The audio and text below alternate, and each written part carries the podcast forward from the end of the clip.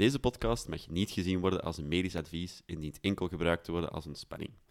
In deze podcast bespreken we onze mening, terwijl je niet beschouwd mag worden als absolute waarheid.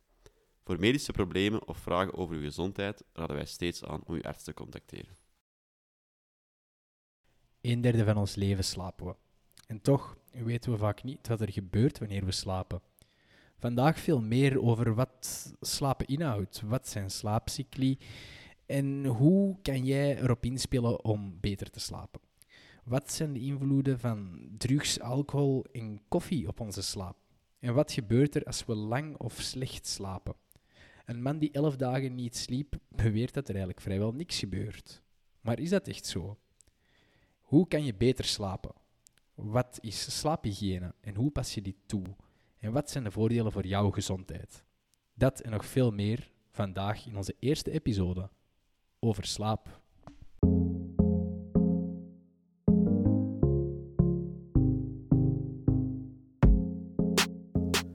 Goed, welkom allemaal bij onze podcast, waar we elke week een ander thema aansnijden in verband met gezondheid en levensstijl. Vandaag, zoals er net in de hoek vermeld, slaap. Mijn naam is, als jullie het nog niet weten, Tim de Boek. Ik ben huisarts in opleiding en ik werkte het laatste anderhalf jaar in een praktijk. Naast mij zit mijn allerbeste vriend en jullie co-host Jens Boons. Jens, altijd fijn u erbij te hebben. Alles goed, man? Alles goed, alles goed. Ik ben er juist achter gekomen dat ik uw beste vriend ben, dus uh, altijd mooi nieuws. Ik hoop dat je uitgeslapen bent. ik heb wel een beetje stress. Slapen ging niet zo gemakkelijk. ja, over, over slapen gesproken, dat is, dat is het onderwerp waar we het vandaag over gaan hebben. Je ziet mensen soms de vreemdste dingen doen in hun slaap. Van schokken en praten in hun slaap tot slaapwandelen. Maar wat gebeurt er nu met ons als we slapen? Wel, goede vraag. Um, veel mensen denken dat slaap een staat van verdoving is. Maar eigenlijk weten we dat slaap veel complexer is. We weten eigenlijk dat slaap een proces is waar dat je zenuwcellen eigenlijk allemaal op een heel specifieke moment, op een heel afgesproken manier met elkaar samenwerken. En dat uit zich eigenlijk praktisch in verschillende slaapfases, die zich allemaal beurtelings afspelen om uiteindelijk een slaapcyclus te vormen. Oké, en je spreekt nu over die cyclus met die fase. Welke fasen zijn er dan tijdens onze slaap? En, en heeft elke fase dan ook zijn eigen rol? Ja, we denken van wel. Dus ik denk dat de meesten onder ons, eh, jij ook waarschijnlijk wel, Jens, al zullen gehoord hebben van non-rem en remslaap. Yes, yes, daar heb ik al van gehoord. Yes, REM staat voor Rapid Eye Movement. Dat is een soort van beschrijving van dat klassiek jouw ogen heel rap zouden heen en weer bewegen in, in de REM-fase. Nu, we weten eigenlijk dat je begint steeds in de non-REM-fase, de NREM. Nu, de non-REM-fase, dat is een stuk van jouw slaap en die bestaat eigenlijk uit drie stukjes die belangrijk zijn in, twee, uh, in 1 en 2 en 3. Maar eigenlijk moet je daar gewoon naar kijken als jouw lichaam dommelt in, Hè? En in die eerste fase krijg je zo die, die typische momenten dat je de indruk hebt, oei, ik ben aan het vallen in de zetel, of ik hoor precies een bel afgaan of iemand iets vertellen. Dat je zo echt kunt wakker schokken. Zo, soms. Exact, uh... exact. Dat is eigenlijk, ja, je lichaam dat aan het indommelen is, dat is typisch die fase inderdaad. Je bent op die moment ook nog heel wekbaar. Hè? Dus als je dan in je bed ligt en je partner komt in de kamer binnen of zo, ja, dan schiet je direct wakker. En, en na die fase kom je eigenlijk in een diepere slaap terecht, waar je minder wekbaar begint te worden.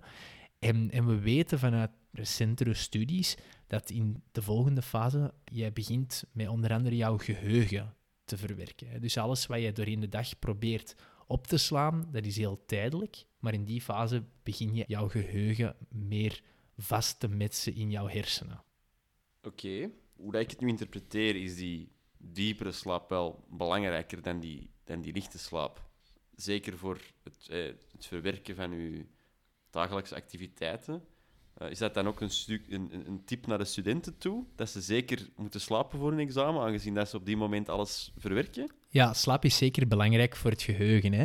Nu, ik denk eigenlijk, ja, er zijn nog fases die nu volgen. En ik denk eigenlijk het belangrijkste is dat je alle fases doorloopt. Want na die, die fase N2, waar we er net eigenlijk waren, kom je eigenlijk in een heel diepe slaap. Dat is eigenlijk een slaap dat je niet meer bent te wekken bijna. Hè. Dat is het moment dat je partner zegt van ik zat dan nu te trekken en te roepen tegen u. En, en, je wordt maar niet wakker. Dat is ook een typische fase waar dat mensen slaapwandelen, dingen doen dat ze zich niks van kunnen inbeelden. Ehm, en wat er dan eigenlijk gebeurt is, ja, jouw hartslag wordt heel laag, jouw lichaam wordt onweekbaar. Ehm, en we weten dat dat samen met die vorige fase ook heel belangrijk is in die consolidatie of vastleggen van jouw geheugen. Maar we zien dan ook effecten naar boven komen, zoals aanzwengelen van jouw immuunsysteem, een grote opkus van jouw hersenen en eigenlijk zo'n zaken. Alright, dus we kunnen, we kunnen slapen eigenlijk ook een beetje zien als een, een clean-up van je lichaam. Van, een clean-up van een dag eigenlijk. Een Ja. beetje een reset. Eigenlijk wel. Ze hebben een keer gekeken naar mensen die daar bijna niet sliepen en mensen die daar een heel een goede nacht slaap hadden. En ze keken dan naar een afvalstof in jouw hersenen en in welke mate dat die nog aanwezig was. Ehm, en het bleek dat bij de mensen die goed slapen, die afvalstof er veel minder aanwezig was dan bij de mensen die wel slapen. Dus we weten eigenlijk dat je hersenen ook een beetje proper worden gemaakt als je voldoende lang slaapt om in die diepere slaap te komen. Oké, dat is al een goed beeld dat we dan hebben over de, de slaapcycli. Ehm, is, het, is het belangrijk om x aantal keer alle fases te doorlopen en dus uw, uw cyclus volledig te doorlopen? Ja. Nu, ik heb er net misschien niet gestructureerd genoeg geweest, maar eigenlijk heb je dus de fases die we nu net beschreven, waren eigenlijk allemaal deel van de non-remslaap. Ah, oké, dus er is nog een rem, de, de, de remslaap staat daar niet bij. Nee, exact. Dus je hebt eigenlijk Dus daar... ook die super diepe slaap, dat je niet wakker te worden bent, dat is nog altijd deel van je non-remslaap. Ja, Eh. Eigenlijk daarna komt nog de remslaap. En de remslaap, wat er daar eigenlijk gebeurt, is jouw lichaam is compleet verlamd, maar we zien, als je elektrodes op mensen hun hoofd plaatst, zie je dat de hersenen meer actief worden dan in eender welke fase van de slaap.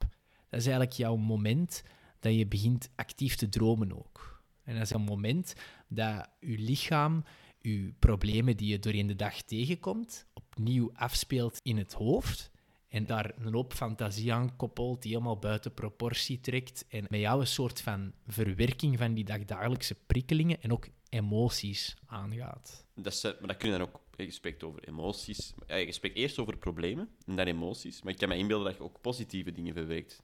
Eh, Ja, Of, is dat ook, of is dit eigenlijk enkel de negatieve dingen waar dat je het moeilijk mee hebt, die je verwerkt tijdens je slaap? Goh, het, het ding is een beetje...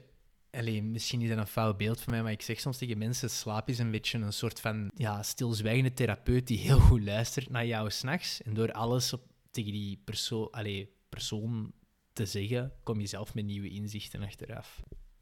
Ehm, misschien is het nog relevant dat we even zeggen, als je al die ehm, stappen van die cyclussen bekijkt, waar we het over hadden, je hebt de non-rem en de remslaap en je telt die op, dan weten we dat je gemiddeld ongeveer aan 90 minuten komt. Dus 90 minuten om heel die cyclus te doorlopen. Exact. En ja, er wordt vaak gezegd dat je 8 uur per nacht moet slapen, of toch 7 tot 9 uur moet slapen. Mhm. Is dat gebaseerd op het aantal keer dat je je cyclus moet doorlopen? Goh, te zeggen is eh, zeven uur als ondergrens meestal, omdat ze merken dat mensen die regelmatig minder slapen dan zeven uur, dat die ja, vroegtijdiger sterven. Ja, is dat een unieke causale eh, verband? Waarschijnlijk niet. Nu, het makes wel sens dat je wilt meerdere cyclussen van anderhalf uur na elkaar doorlopen omdat we weten vanuit studies waar dat ze de hersenen elektrodes volgen, dat bij opeenvolgende cyclussen de samenstelling van een cyclus verandert. Dus je krijgt initieel in de eerste cyclus eigenlijk heel weinig remslaap en meer op- oppervlakkige slaap, maar we weten dat het aandeel van de remslaap toeneemt naarmate je meer cyclussen aan elkaar plakt. De, de proportie remslaap vergroot. Kunnen we dan ook stellen dat die laatste cycli belangrijker zijn dan de eerste, omdat je daar net meer remslaap haalt en misschien ja, nog beter je ja, problemen of je situaties van de vorige dag kunt verwerken? Goh, we zouden kunnen speculeren natuurlijk. Hè? Als, je, als je een creatief beroep hebt of, of, of je hebt zelf emotioneel wat meer instabiliteit als iemand anders, dan zou ik kunnen speculeren dat, dat ja, een langere slaap en meer remslaap resulteert in meer creativiteit en oplossingen. Maar ik denk dat er allemaal wat pseudowetenschap is en Dat dat een beetje, een beetje speculeren. dat Ja, speculeren. ons daarvan. Ik denk eigenlijk wat je moet onthouden, of wat dat ik zou meegeven, is omdat slaap zoiets complex en, en wisselend is, denk ik dat je, je moet gewoon alle stappen van slaap op voldoende mate doorlopen. Door te streven naar een 7, 8 uur slaap per nacht op een gezonde manier. Oké. Laten we even afsluiten wat de cyclussen betreft, en de slaapcyclus. Ik denk eigenlijk dat het tijd is voor de mythe van de week.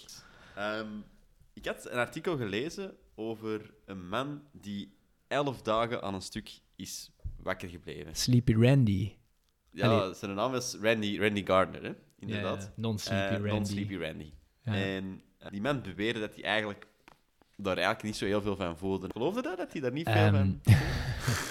Goh, nu, wat ik over dat artikel had gelezen, dat is voor de Guinness Book of World Records, denk ik, dat ze dat hadden geschreven, ehm, was toch dat, ja, die man was heel overtuigd dat hij er zelf niks van voelde, maar blijkbaar, ja, meer naar het einde van het experiment toe, waren er toch wel grote wisselingen in die zijn gemoed, zag die dingen dat er niet waren, was hij super paranoia, kon hij niks meer onthouden in zijn korte termijnsgeheugen, dus ja, ik denk dat het een beetje een grote Jan was, maar of dat hem effectief er niks van voelde, ik denk dat dat overdreven Ik denk ook, hè, hoe, dat ik het, hoe dat ik het gelezen had, dat hij er zelf van overtuigd was, dat hij er geen last van had. En dat hij zich niet bewust was van hoe gigantisch zijn geheugenverlies was en wat voor wazige dingen dat hij allemaal aan het doen was. Daar kan ik mij iets bij inbeelden. Maar had hij ook niet achteraf ehm, heel veel slaapproblemen gekregen? Dus effectief, die, die, die man zou jaren later eh, veel last hebben gekregen van insomnia. Nu, ik vroeg me dus af, is dat gerelateerd aan dat experiment, denkt je? Of zou dat gewoon iemand zijn die daar ja, gevoelig is om voor dat te krijgen? Ik bedoel, als je elf dagen kunt wakker blijven, dan kun je... allee, ja, dan is het wel wel slapeloos. Hè? Wat, wat denk jij ervan? Goh, ja, dat is weer speculatie deze natuurlijk. Hè? Maar ik zou, zou inbeelden dat iemand die elf dagen niet slaapt, of dat dat uniek experiment heel uw leven, uw slaapritme om zeep helpt, dat betwijfel ik. Ehm, maar ik kan me zeker wel inbeelden dat, dat die man, als die zegt na elf dagen, ik voel juist niks, dat hij toch al een vrij ongezond slaapritme daarvoor had. Ehm, en dat kan mij, ik kan mij wel inbeelden dat een repetitief, heel slecht en, ja, onverzorgd slaapritme toch wel kan zorgen voor slapeloosheid op termijn.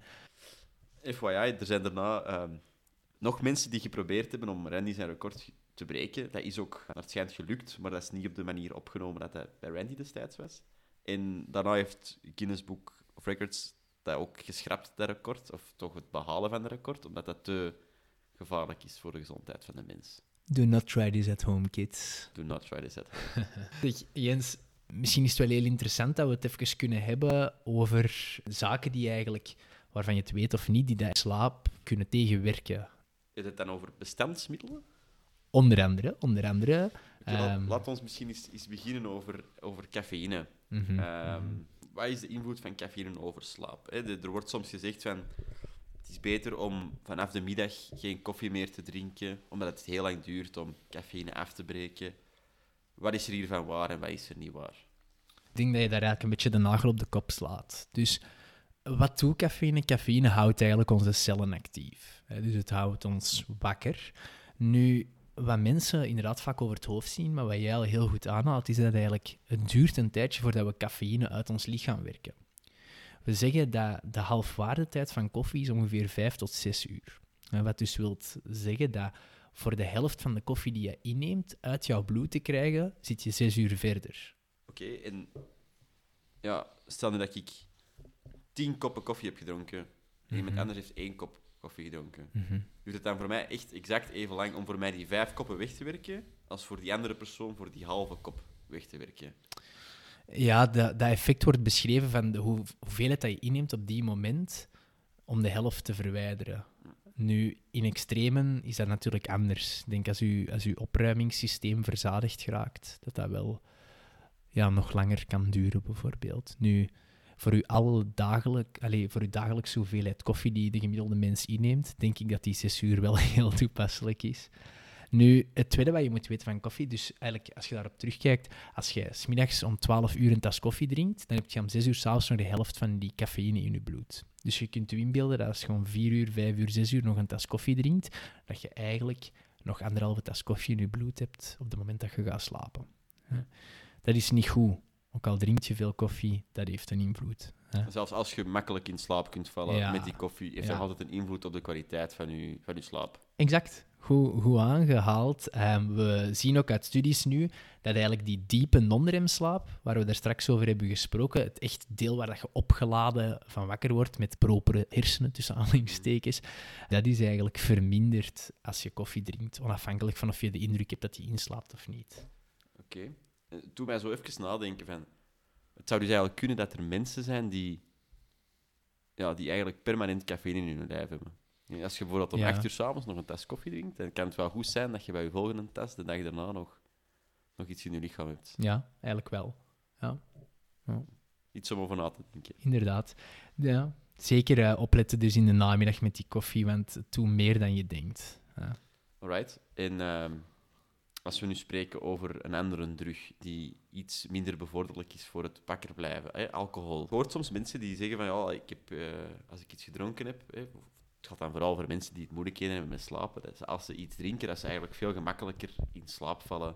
Eh, is het fout om iets te drinken? Is dat slecht voor je slaap om een beetje, al is het maar een glas wijn te drinken voordat Mhm. je in je bed Mhm. gaat? Wat dan mensen zich vaak aan mispakken is inderdaad, als je een beetje drinkt, slaap je wel gemakkelijker in. Hè?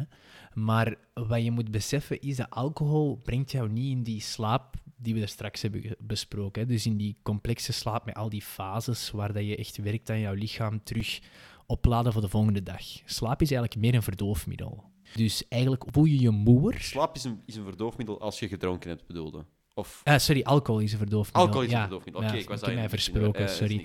Nee, dus ik, ik wil zeggen, ehm, alcohol zorgt ervoor dat je je moer voelt en dat je gemakkelijk in die vroege fases van jouw slaap geraakt. Maar het is echt een verdoving. Die diepere fases die krijg je moeilijker, omdat alcohol activeert ook jouw, wat wij noemen, orthosympathische zenuwstelsel. En het orthosympathische zenuwstelsel is eigenlijk het zenuwstelsel dat, dat je kent van het fight or flight zenuwstelsel. Heb je daar al van gehoord of nog niet?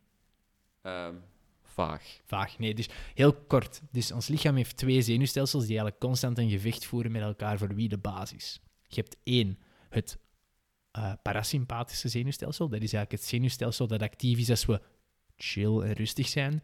Als we eten, als we willen slapen, al die dingen. En je hebt aan de andere kant het orthosympathische zenuwstelsel. Dat is het zenuwstelsel dat actief is in overmate als we moeten presteren, als we, als we moeten lopen, als we moeten ons verweren, als we moeten vechten, eh, zo van die zaken. En die hebben eigenlijk allemaal een hele race van effecten in jouw lichaam. En het orthosympathische, het activerende, het fight-or-flight zenuwstelsel, zorgt ervoor dat ons hart heel snel gaat pompen, dat onze bloeddruk naar boven gaat, dat we heel alert worden. Je kan je inbeelden dat je dan niet zo goed kan slapen in die fase. En eigenlijk zorgt alcohol een beetje voor zo wat ja, willekeurig bijna on-on-switch van dat zenuwstelsel, waardoor dat je niet in slaap kunt blijven. Allee, dat, dat verklaart een beetje waarom dat na een avondje uit, de dag daarna, ik altijd heel moe ben. Ja, exact. Je slaapt niet zelden. Plus ook, en dat is misschien een detail, maar het, het blokkeert ook de remslaap. Dus alcohol zorgt ook voor minder kwaliteitsvolle eh, emotieverwerking en dromen. Alright. Dan misschien nog een laatste drug, slaapmedicatie. Er zijn ook mensen die dat nemen tegen slecht slapen. Is dat wel bevorderlijk voor een goede slaap, of is dat ook een soort verdoofmiddel? Slaapmedicatie is een heel groot probleem nu. Hè. Ehm, er zijn twee problemen met slaapmedicatie. On the site, slaapmedicatie is heel verschillend. De ene slaappil is de andere niet. Maar de typische slaappillen waar mensen over ja, spreken, zijn echte verdovende pillen. Die dus niet u een gunstig slaapeffect geven, maar eerder een mokerslag van de namerpal op je voorhoofd, waardoor dat je knock-out een paar uur ligt, maar dat je eigenlijk niet uitgerust van wakker wordt. Het probleem van die pillen is ook als je dat gaat nemen op een moment dat je ehm, eigenlijk al heel lang sukkelt met je slaap en dat je dus heel veel nood hebt aan slaap, is dat je heel vatbaar om daar ook verslaafd aan te worden. We weten dat veel van die pillen vanaf één week aanhoudend gebruik al verslavend zijn. Dus dat zijn eigenlijk pillen dat je ten allen tijde moet vermijden. En ik denk eigenlijk persoonlijk dat als je echt zo moeilijkheden hebt met slaap, je eerder moet kijken naar slaaphygiëne of naar andere oplossingen van hey, van waar komt dit slaapprobleem? Je spreekt over slaaphygiëne. Wat is dat, slaaphygiëne? Is dat, wil dat zeggen dat mijn bed proper moet zijn voordat ik erin ga liggen? Of? Was het maar zo eenvoudig, hè? Ehm, dat zou heel mooi zijn als je je bed mooi opdekt en je kruipt erin en je slaapt helemaal prima. nee, eh slaaphygiëne is eigenlijk iets complex. Nu, dat zijn een hele hoop tips en tricks, kleine life hacks, die dat individueel heel weinig verschil maken op jouw slaap. Maar als je die allemaal samenbrengt, dan weten we dat veel mensen eigenlijk veel beter gaan slapen. En dat uit zich heel concreet in, in een hele hoop kleine dingen. Eén, je moet regelmaat hebben in jouw slaap. Twee, Je moet een omgeving creëren die het slapen stimuleert. Wat bedoelt je met regelmaat? Meer concreet. Is dat, ik moet elke dag op hetzelfde uur gaan slapen, ik moet gewoon elke dag slapen, ik moet elke dag evenveel slapen? Wat bedoelde je juist? Regelmaat is echt ehm, uren, is echt een routine maken. Dat is, of het nu weekend of week is, dat je probeert zoveel mogelijk rondom hetzelfde uur te gaan slapen en rondom hetzelfde uur op te staan. Met een idealiter een 7 à 9 uur slaap op als doel. En meer regelmaat houdt ook in van een, een vaste, regelmatige routine waar je aan begint voor je in jouw bed kruipt. Dus een pre-slaaproutine is ook belangrijk. En wat moet er volgens u in die routine uh, zitten? Goeie vraag. Het is heel belangrijk dat je jouw lichaam in die parasympathische of in dat rustige zenuwstelsel krijgt. En hoe doe je dat concreet? Ik denk je moet een prikkelarme omgeving creëren. Ik bedoel dan dat je eigenlijk best het licht wat dimt, je op een rustige plek zet, waar dat je eigenlijk probeert je ver weg te houden van alles wat jou kan ophitsen. Ik bedoel jouw gsm, tablet, computer, werk, mails, al die zaken. Dan hebben we het ook echt over blauw licht. Dat kan ook Exact, iets- ja, ja, ja, beetje wel. De ideale eh, slaaproutine is eigenlijk nog net uit jouw bed, dat jij eh, bijvoorbeeld een boek gaat lezen onder een, een gedimd licht en dat je na een half uur naar jouw bed gaat en dat je in jouw bed ook echt enkel slaapt, zodat jouw lichaam echt geconditioneerd en gewoon wordt aan het ik moet slapen in mijn bed. En dat jouw lichaam ook aanvoelt van hé, hey, ik moet moe beginnen worden, we zijn in die routine. Je lichaam heeft dat meer nodig dan je denkt. En mensen in, die, die in shiften werken bijvoorbeeld, die, hebben, die kunnen eigenlijk niet elke dag op hetzelfde uur gaan slapen, Mhm, hetzelfde uur mhm. opstaan. Dat is sowieso moeilijker. Mhm. Ehm, hoe raad je aan zo'n mensen aan om hun slaap te optimaliseren? Kunnen zij iets doen om toch nog zo optimaal mogelijke slaapkwaliteit te hebben? Shiften zijn heel moeilijk, want net die regelmaat is moeilijk, maar misschien dat je dan wel toch kunt investeren op de andere zaken verzorgen van slaaphygiëne. Zoals ehm, nog altijd in je bed ben je alleen om te slapen, dat de slaapkamer een geconditioneerde plaats is om te slapen, dat je ziet dat je slaapkamer fris is, rond de 18 graden, dat je ziet dat je niet te veel slaapt overdag, zodat je je vermoeidheid opstapelt voor later, dat je niet veel eet of drinkt voor je gaat slapen. Eigenlijk zijn er een hele hoop slaaphygiëne-tips die je nog wel kan toepassen als je shiftwerk doet. Nu, als je vatbaar bent om slecht te slapen, kan het wel zijn, denk ik, dat shiftwerk niks voor jou is. En ik, ik vrees dat, dat er ook geen unieke oplossing is voor mensen met shiftwerk. Dat gezegd zijn dat als je daar problemen mee ondervindt, moet je daar zeker met jouw huisarts eens over gaan spreken. Of dat er toch een hulpmiddel kan zijn voor jou. Oké, ehm, richt- we zijn een beetje richting het einde aan het gaan. Ik wil het niet meer te lang rekken, maar ik, er zijn nog een paar dingen die ik echt wel graag wil weten over slaap. Eh een daarvan is, en dat is iets waar ik zelf altijd heel hard mee gevochten heb, is snoezen. Ik was vroeger altijd een enorme snoezer. En ik had het gevoel dat als ik echt snoezde, dat ik daar echt daarna veel waziger wakker werd. Is dat, is dat nu eigenlijk waar dat dat slecht is, snoezen? Goh, snoezen brengt weinig bij, denk ik. Dus op het moment dat je repetitief uit jouw slaap wordt gehaald, dan verlies je die diepe, res- allee, restauratieve, eh, opkuisende slaap die dat we hebben besproken. En wat je dan eigenlijk doet, is je begint te circuleren tussen oppervlakkige slaap, oppervlakkige slaap, oppervlakkige slaap. Uiteindelijk haal je daar weinig uit. Dus eigenlijk zou het veel beter zijn als je weet, ah, ik zet 12 wekkers en ik slaap, eh, ik snoes nog 20 minuten denk ik dat je er meer uit zou halen van je wekker gewoon 20 minuten later te zetten en ja, gewoon te kweken van ineens uit je bed te komen. We hebben nu heel veel gesproken over wat slaap juist is, wat er met ons gebeurt als we slapen, wat er belangrijk is voor goed te slapen. Ehm, maar waarom is slaap nu eigenlijk zo belangrijk? Wat zijn de gevolgen als, als we zeggen van... Voert, je m'en fous, ik slaap, ik slaap maar vijf uur of zes uur. Wat we weten is als je heel kort, heel slecht slaapt, is dat eigenlijk je, ja, je emotieregulatie, je geheugen en zo, dat die toch heel rap veranderen. Maar er zijn ook belangrijke en toch wel richtingaangevende aanwijzingen dat door repetitief heel slecht te slapen er negatieve effecten zijn voor jouw hart- en vaatsysteem. Hè? Eh, dus de ader, de slagaders in het hart. Ehm, maar ook voor andere systemen. We denken dat het te maken kan hebben met dementie. Nu, daar wil ik bewust niet te diep op ingaan, omdat dat volgens mij voor een groot deel gewoon beloftevolle wetenschap is, maar nog geen gesloten zaken. Alright, dan eh, denk ik dat het tijd is voor de afsluiter. Aangezien dat het de eerste af- aflevering is, denk ik dat het, eh, deze rubriek een beetje toelichting nodig heeft. Eh, We gaan elke aflevering afsluiten met de tips van Tim. Waarbij Tim even kort enkele tips gaat geven die de belangrijkste zaken van deze aflevering samenvatten. En die ook voor jullie als luisteraar misschien de meest nuttige dingen samenvatten. Dus Tim, tip 1. Je hebt enorm veel baat bij regelmaat. Oké, ik wist niet dat dat hier met rijmen ging zijn. Dat is, Zo, de, dat is de enige die rijmt. Tip 2. Drink geen cafeïne na de middag. Drink geen slaapmutsje. Je druppeltje voor het slapen laat het achterwege. Tip 3. Slaaphygiëne is iets complex. We kunnen hier niet alles meegeven. Ga naar thuisarts.nl. Ik wil beter slapen en probeer alles voor jou toe te passen. Thuisarts.nl. Tip 4. Verdoving en slaap zijn geen synoniemen. Tip 5 en de laatste tip. Heb je slaapproblemen? Kom je er niet uit met slaaphygiëne? Contacteer jouw eigen arts. Alright. Goed, Tim. Bedankt voor, uw, voor uw tips. Dat was het voor onze eerste aflevering. Eh, bedankt voor het luisteren, iedereen. Volgende week komt er een nieuwe aflevering. En eh, dan gaan we het hebben. Over wat gaan we het juist hebben, Tim? Mentaal welzijn. Ehm, hoe herkent je dat het eh, niet goed gaat met u of met iemand anders?